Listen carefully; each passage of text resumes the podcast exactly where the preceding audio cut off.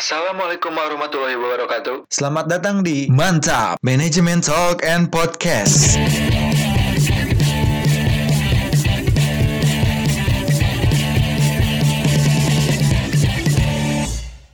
Hai hai Halo, Assalamualaikum warahmatullahi wabarakatuh. Balik lagi nih Di Mantap Podcast di episode di segmen tak kenal maka Kata tak cuan ya.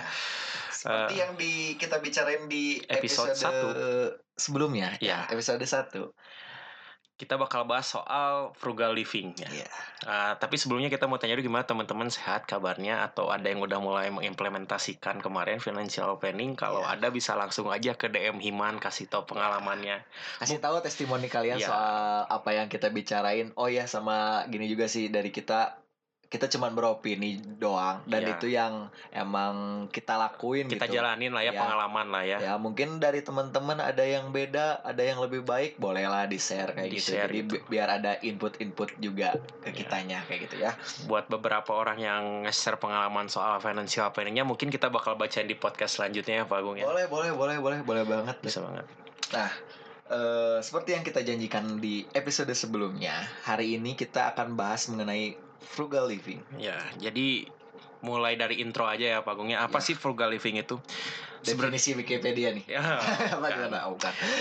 dilansir Big Alpha shout out to Big Alpha ya frugal living merupakan gaya hidup yang diterapkan untuk lebih pintar dalam mengatur uang bulanan gitu nah banyak orang yang nyangka tuh frugal living tuh hidup pelit Pak Agung Kenapa bisa bisa bisa ada orang yang nyangka bahwa frugal living hidup pelit? karena terkesannya tuh seperti kita pelit terhadap diri kita sendiri gitu padahal frugal living dan hidup pelit itu berbeda Hmm. Jauh lah.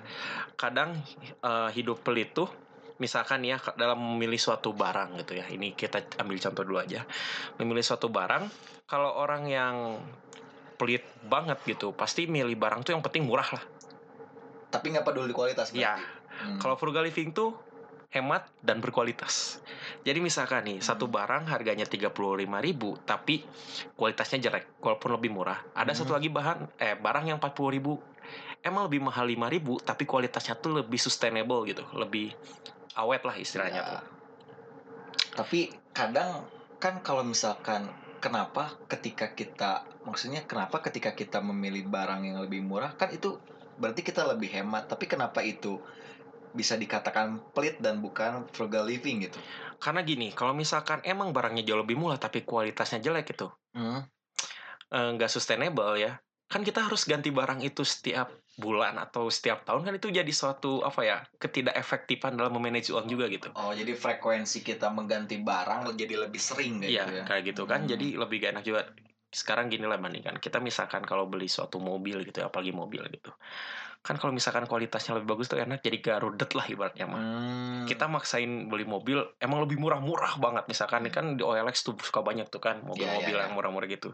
Kita beli yang paling murah. Taunya pas kita pakai sebulan sebulan dua bulan Turun mogok, mesin. turun mesin kan lebih banyak cost lagi gitu. Dipikir-pikir kenapa beli nggak beli yang sehat sekalian gitu dengan harga yang Hmm. beda sedikit dengan apa biaya kos pembenaran ke depannya juga lebih dikit kan. Dari Hmm. situ juga sih. Jadi yang harus diingat teman-teman frugal living ini eh, bukan berarti kita pelit sama diri sendiri mungkin ya. Jadi konsep-konsep untuk mendukung financial planning kita ke depannya supaya kita nggak terus-terusan Ya. keluar uang, kita harus beli suatu barang yang emang berkualitas dan emang kita gantinya juga nggak nggak nggak Ya. terlalu sering kayak dan gitu. emang kita butuh gitu jadi Hmm. maka dari situ apa sih dalam frugal living tuh kita harus ngebuat kayak sama kayak financial planning perencanaan Hmm. keuangan kita pencatatan kebutuhan kita apa pun Hmm. itu jadi misalkan kalau bulan ini kita nggak butuh-butuh amat buat beli mobil mah ya gak usah lah tahan dulu gitu nabung lagi gitu justru apa sih keputus eh, dalam frugal living tuh keputusan yang apa ya keputusan untuk membeli suatu barang tuh harus lebih bijak lah jadi harus banyak pertimbangan lagi lah jadi pertimbangan gitu Jadi bukan mungkin ya bu- bukan karena hanya karena brandnya atau Ya. tingkat gengsi ketika kita pakai Ya. barang itu di ya itu ya. antara pertemanan kita kayak Hmm, gitu kan. ya. Eh, jadi misalkan eh, dalam memilih mobil deh Jangan jauh-jauh mungkin ya sepatu atau Eng, apalah yang dekat-dekat aja. Kayak yang sering apa anak-anak muda banget tuh HP lah. Ya handphone handphone. Kalau menurut orang sendiri ya, contoh Hmm. dari frugal living tuh kalau dari orang sendiri adalah membeli handphone bekas. Oke terus. Kenapa? Karena seperti yang kita ketahui eh apa ya teknologi itu berkembang pesat sekali gitu. Hmm. Kalau kita ikuti tuh nggak akan ada habisnya. Hmm. Beli iPhone 11 ada iPhone 12, ya kan? Pro Pro Pro Pro Max apalah Pro itulah ya. Pro Plus, Pro Pro Ya, apalah. gitu. sedangkan penyusutan dari handphone tuh cepat. cepet banget gitu. Hmm. Nah, jadi misalkan kenapa kamu nggak beli aja iPhone 10 gitu ibaratkannya Hmm. dengan teknologi yang nggak terlalu jauh beda lah sama iPhone 11 gitu. Ya. Dengan harga yang lebih murah. Hmm. Kenapa enggak kan? Uh, dan dilihat juga dari apa kan kalau iPhone tuh misalkan ada iOS-nya tuh update berapa tahun sekali gitu kan ya. Ya. Di update-nya tuh sampai gak dapat update lagi. Kita lihat dari situnya juga itu bisa motong dari sisi ekonomis kita juga sih. Misalkan apa ya? Ya itu sih bener Hmm. handphone bekas menurut saya itu termasuk dari konsep frugal living. Sebenarnya tujuan dari frugal living ini tuh adalah kebahagiaan, Pak Agung. Kebahagiaan untuk Untuk kita sendiri. gimana tuh maksudnya? Jadi semakin kita hidup sederhana tuh kita gak akan peduli apa terhadap orang lain lah, mengurangi. Jadi istilahnya apa ya? Gak sirik gitu sama orang lain. Jadi gak kayak Hmm. gak orang lain tuh gak dijadiin patokan gitu. Misalkan kan ada nih, aduh situ mau beli mobil baru, masa aku enggak, enggak, enggak kayak gitu. Kalau kita gak butuh-butuh amat, mah kenapa enggak gitu. Kayak apa ya, kita bisa memanfaatkan kalau masalah kendaraan ya, misalkan Hmm. Ya mungkin ini mah bisa diterapinya di luar negeri ya. Kalau di Indonesia juga aku masih ragu gitu kayak pakai transportasi umum gitu. Karena transport transportasi umum kita kayak gimana? ya sebenarnya kalau transportasi umum kita lebih memadai dan lebih efisien mah kayaknya orang-orang juga bakal milih transportasi umum dibandingkan mobil pribadi atau kendaraan pribadi lainnya kayak motor atau apa pun ya. Terus juga apa ya? Nah, frugal living juga bisa ngebuat kita lebih hemat waktu gitu nggak soal melu soal uang lah misalkan kayak kan kalau kita menganut konsep ini tuh gak akan terlalu banyak apa ya wishlist lah ibaratnya mah kayak pengen beli barang itu Hmm. barang ini barang apa Yang eh mengenai masalah pemilihan handphonenya Pak Agung ya gimana? pemilihan handphone juga misalkan kalau misalkan apa ya kayak kita kan kadang kalau lihat HP baru tuh suka pengen banget beli kan. Hmm, apalagi fitur-fiturnya ya. iya wah jadi tergoda gitu. Aku tergoda. Maaf. aku hilang ya sebenarnya kita bisa lihat dulu lah. Kalau misalkan HP kita masih berfungsi dengan baik masih ada update ya kenapa harus ganti gitu? Ya udah jalin aja pakai HP kita sekarang gitu. Hmm. jangan impulsif gitu. Balik lagi tadi eh, fungsi yang lebih penting daripada gengsi. ya jangan kebanyakan gengsi lah intinya mah gengsi itu membunuh kita tau. Hmm. Iya. Sama halnya dengan nggak enakan. gak enakan itu sangat membunuh kita Ah, Siap. jangan kemakan sales-sales pipo kan kadang datang ke BC gak mau beli HP terus ke tergoda oleh sales akhirnya jadi beli HP pas sampai rumah kok aku beli HP ini ya gitu kan nasib pertimbangan juga Paham, paham. dan itu juga bisa dilihat dari penyusutan kalau aku sendiri ya Hmm. Kayak yang aku lihat dari hasil pengamatan aku tuh Android sama iPhone tuh penyusutannya tuh lebih cepat Android Android tuh cepat banget nyusut harganya jatuh banget harganya Android tuh dibandingkan Ya, iPhone memang. iya Karena memang setiap bulan pasti ada keluaran seri terbaru Ih, sih beda iya. dengan iPhone kayak Hmm. gitu.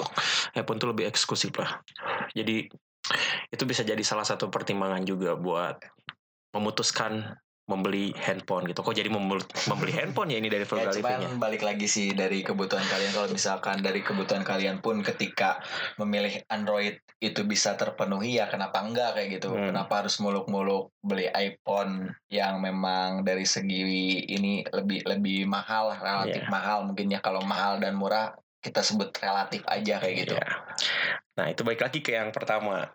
Sedikit lebih mahal nggak apa-apa asal lebih berkualitas dan sustainable. ya Itu dia. Kita harus mempertimbangkan dari itu sendiri. Makanya dalam frugal living itu ada beberapa step Agung, ya.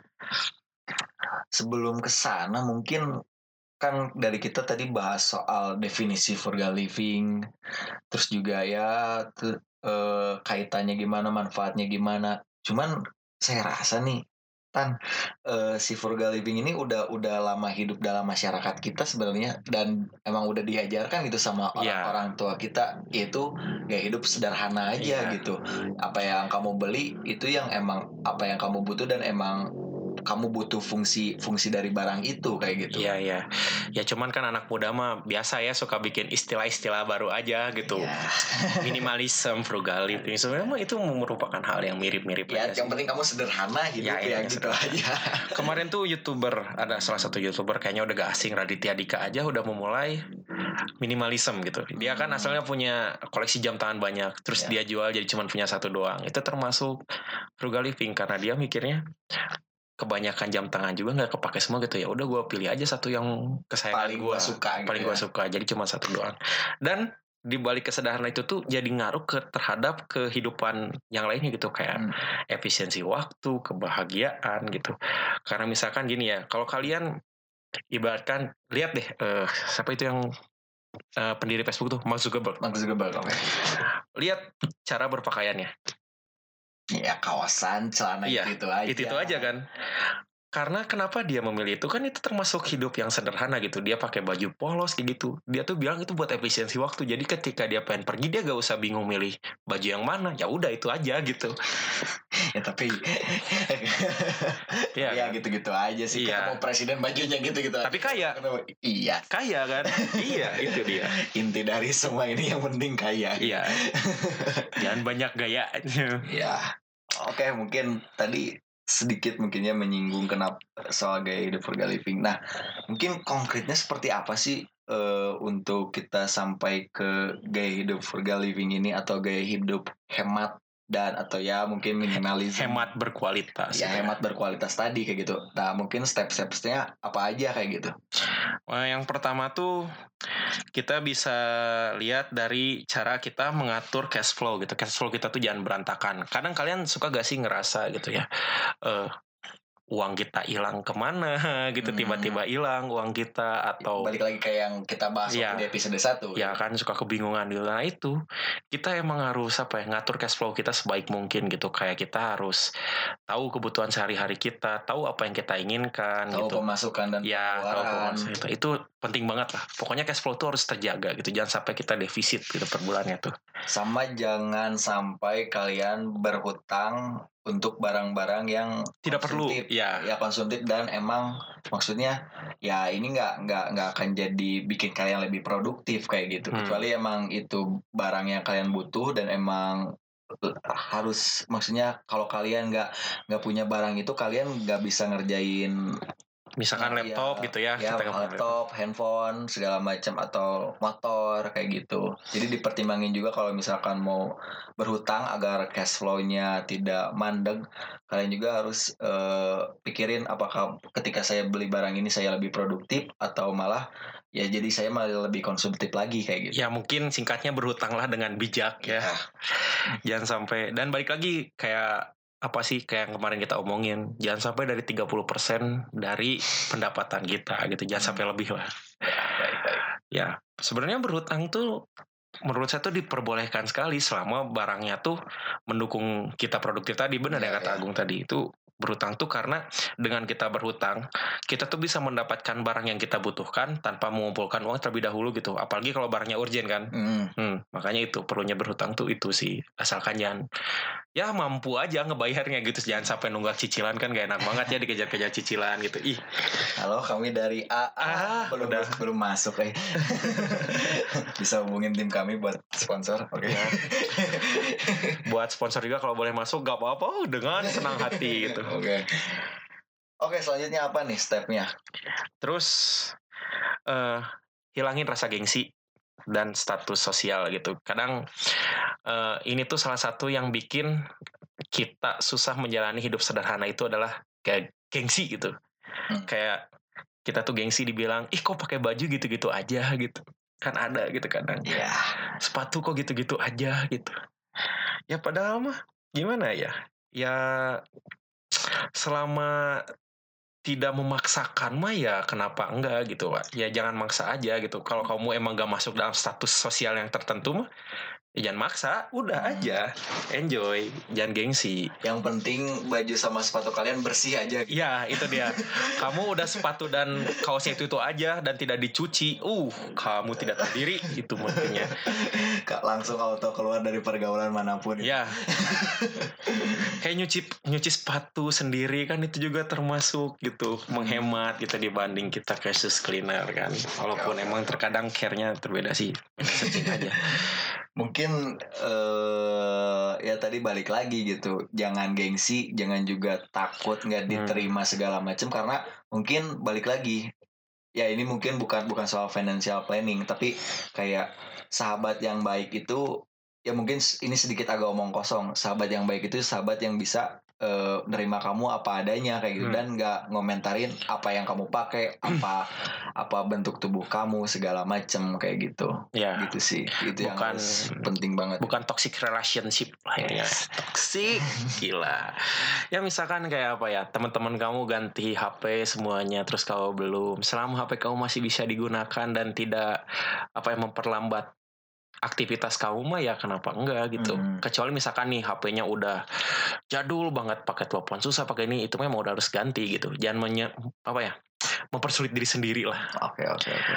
kadang ada emang setiap apalagi kayak teknologi itu kan ada umurnya pasti kan emang harus udah ganti gitu. Kayak misalkan HP itu berapa tahun sekali harus ganti ya gak apa-apa kalau itu mah. Makanya harus ada tabungan Hmm. tabungan itu berguna untuk suatu saat kita butuh kayak gitu juga pengen ganti HP nabung sambil nabung kita pakai aja HP kita gitu terus yang selanjutnya tuh Bung dalam stepnya ada kita harus cerdas dalam mengatur keuangan sehari-hari Balik lagi ya pas di episode pertama lagi-lagi gitu.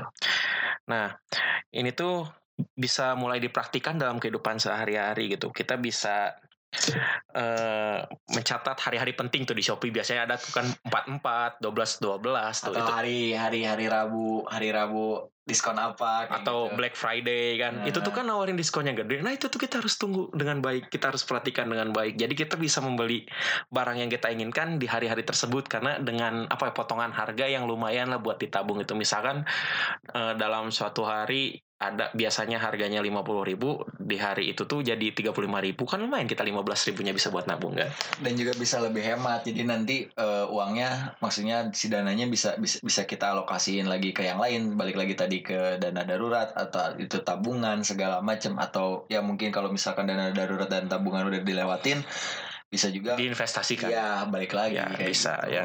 terus juga mengatur keuangan juga bisa dengan membawa bekal dari rumah balik Ya. lagi ya balik lagi lagi iya sama emang Gak bosan-bosan kami mengingatkan kalian. Iya. Karena itu sangat menghemat teman-teman. Ini merupakan tips cuan. Tips cuan kita tips cuan. bekal dari rumah minimal nasi. ya, nasi. ya minimal nasi karena lauk bisa beli tinggal beli gorengan juga jadi walaupun tidak sehat ya teman-teman. Jangan makan yang tidak sehat. Nah ini lagi dalam frugal living juga kita harus hidup sehat Pak Gung. Karena Hmm, kalau kita hidupnya nggak sehat gitu ya itu tuh kan akan menimbulkan kos di suatu saat yaitu sakit itu kan daripada misalkan kamu 200 ribu ke dokter kan bisa di save lebih apa ya, bisa ke tabungan atau ke hal lainnya gitu. Makanya kita harus menjaga pola hidup kita gitu. Kayak makan jangan telat gitu ya. Makan jangan Indomie ya Tristan ya? Ya oke. Buat teman-teman. Himatami. tolong follow himatami.id ya itu. Oh ya kebetulan Tristan presiden dari Himatami, himpunan mahasiswa. pecinta mie Oke, Ya, siap siap siap. itu juga lumayan Sama ini sih mungkin ya dalam frugal living dari kita sendiri juga belum belum menerapkannya secara sempurna Hmm. karena ya satu dari kebiasaan kita yang sering merokok itu tidak sehat sekali ya. ya mungkin jangan dicontoh ya buat cowok maupun cewek itu jangan ja- jangan sampai Ya. merokok karena dari kita sendiri pun yang Menyesal. ya misal dari kita sendiri pun pengen berhenti Iya. untuk merokok karena ya itu ngeganggu juga cash flow Cash flow kita. Kayak kita sehari-hari minimal kita. minimal tuh 20 ribu buat beli rokok itu tuh kayak sayang banget kalau dipikir-pikir tapi udah gimana ya itu itu emang. puluh ribu sehari 365 ya. hari dalam setahun berapa tuh? Mungkin sedikit sedikit petua dulu ya buat kalian yang belum memulai ngerokok dan mulai tolong jangan percayalah kamu akan berhenti suatu saat kamu menyesal memulai merokok. Ini nasihat dari perokok ya, ya dampaknya juga nanti ke kesehatan kita di masa ya. tua segala macam. Cuman ya balik lagi dari kitanya juga lagi berusaha ke sana. Ya. doakan saja dari kita bisa uh, menerapkan si frugal living ini dengan bener, baik. bener bener bener gitu total gitu nah, segala macam frugal living ini sebenarnya apa ya? Bisa membawa kita terhadap kekayaan. Tapi sebelumnya mau nanya dulu nih gue nih. Hmm. menurut Agung sendiri kaya raya tuh apa sih? Ini opini Agung aja kaya raya tuh gimana? Kaya raya itu menurut orang ya eh, lebih kayak kondisi di mana maneh itu udah punya kecukupan untuk memenuhi kebutuhan kebutuhan diri sendiri dan keluarga serta dapat memberi gitu. Dapat memberi memberi kepada sesama entah itu memberi dalam bentuk apa pun entah itu dalam bentuk ide pemikiran ataupun ya materi segala macam menurut hmm. orang sih gitu. Menurut mana gimana? Kalau menurut orang itu adalah kekayaan di mana kita bisa terbebas dari kebutuhan finansial finansial lainnya atau bisa dibilang financial freedom. Hmm. Jadi kita dalam umur tertentu tuh emang kita gak usah kerja tapi uang kita tuh cukup itu untuk menghabiskan masa pensiun kita lah. Jadi udah kayak gak usah bingung lagi lah gitu. Jadi bagaimana cara kita mewujudkan financial freedom ini adalah kita bisa membuat dengan tabungan masa tua atau apa. Tabungan itu kan bisa diinvestasikan ke hal-hal lain, bisa ya mungkin untuk episode selanjutnya kita bakal investasi juga ya kita bahas investasi ya, lagi nanti kita bakal jelasin uh, instrumen-instrumen investasi apa saja sih yang memang cocok gitu di di dilakukan sama mahasiswa yang memang dari segi uang jajannya ya cuman segitu gitu mungkin yeah. ya dan ya gitu tapi tapi dari kalian udah udah bisa punya rencana keuangan ke depannya entah hmm. itu oh nanti orang nikah Oh nikah segala macam entah itu anak pertama kayak gitu. Agung udah siap banget nikah kayaknya ya, udah nabung nabung ini ya. Rencana ke sana sih udah ada. Oh. Cuman ya masih panjang lah prosesnya. Ya, ya, ya. Harus dipersiapkan itu. Pak. Ya. ya Ceweknya dulu aja nyarinya ya. Kita terlalu melebar. Ya, Oke. Ya. Oke, paling segitu aja mungkin untuk episode kali ini. Ya mungkin kalau misalkan ada kesalahan soal konsep frugal living yang kita ucapkan boleh diminta kritik dan sarannya atau mungkin kalian ingin apa ya jadi pembicara juga di sini bisa ke DM Himan aja. Nanti kita bisa undang kalian juga ke sini ikut bicara sama kita. Balik lagi, kita di sini hanya opini dari apa yang kita baca, apa yang ya. Kita, kita coba terapkan ya, di hidup coba juga. terapkan juga di hidup. Mungkin belum 100% benar ya. gitu. Mungkin maka makanya kalau kita misalkan ada apa ya kesalahan dalam ucap atau kata ya mohon dikoreksinya aja teman-teman. Siap, ya. siap. Paling segitu aja buat episode kali ini. Uh, saya Tristan. Saya Agung Sudarmaji. Wassalamualaikum warahmatullahi wabarakatuh. Tunggu kita di episode 3, teman-teman. Oke. Okay.